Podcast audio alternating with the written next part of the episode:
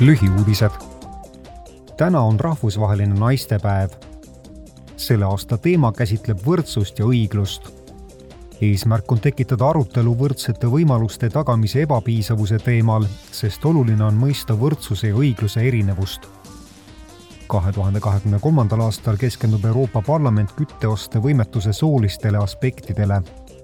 üksikud naised on suuremates raskustes, et maksta energiaarveid kui üksikud mehed selle põhjuseks on sageli naiste madalam keskmine sissetulek ning madalapalgaline osalise tööajaga või ebakindel töö.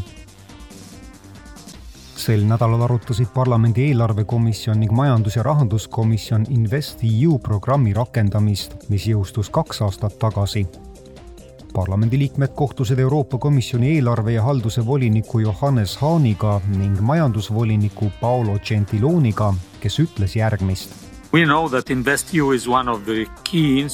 Me teame, et InvestEU on üks peamisi vahendeid erainvesteeringute kaasamiseks me ühiste prioriteetide nimel, alates rohe- ja digipöördest kuni väikeste ja keskmise suurusega ettevõtete toetamiseni, et saavutada kestlikum ja kaasavam majanduskasv.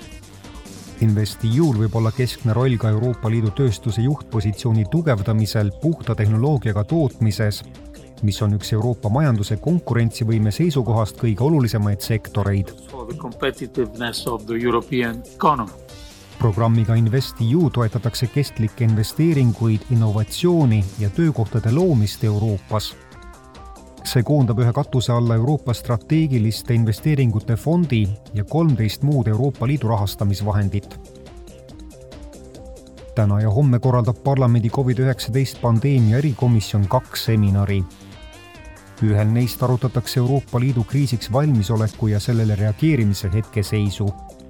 teisel seminaril kohtuvad parlamendiliikmed ekspertidega, et arutada pikaajalise Covidiga seotud peamisi fakte ja arenguid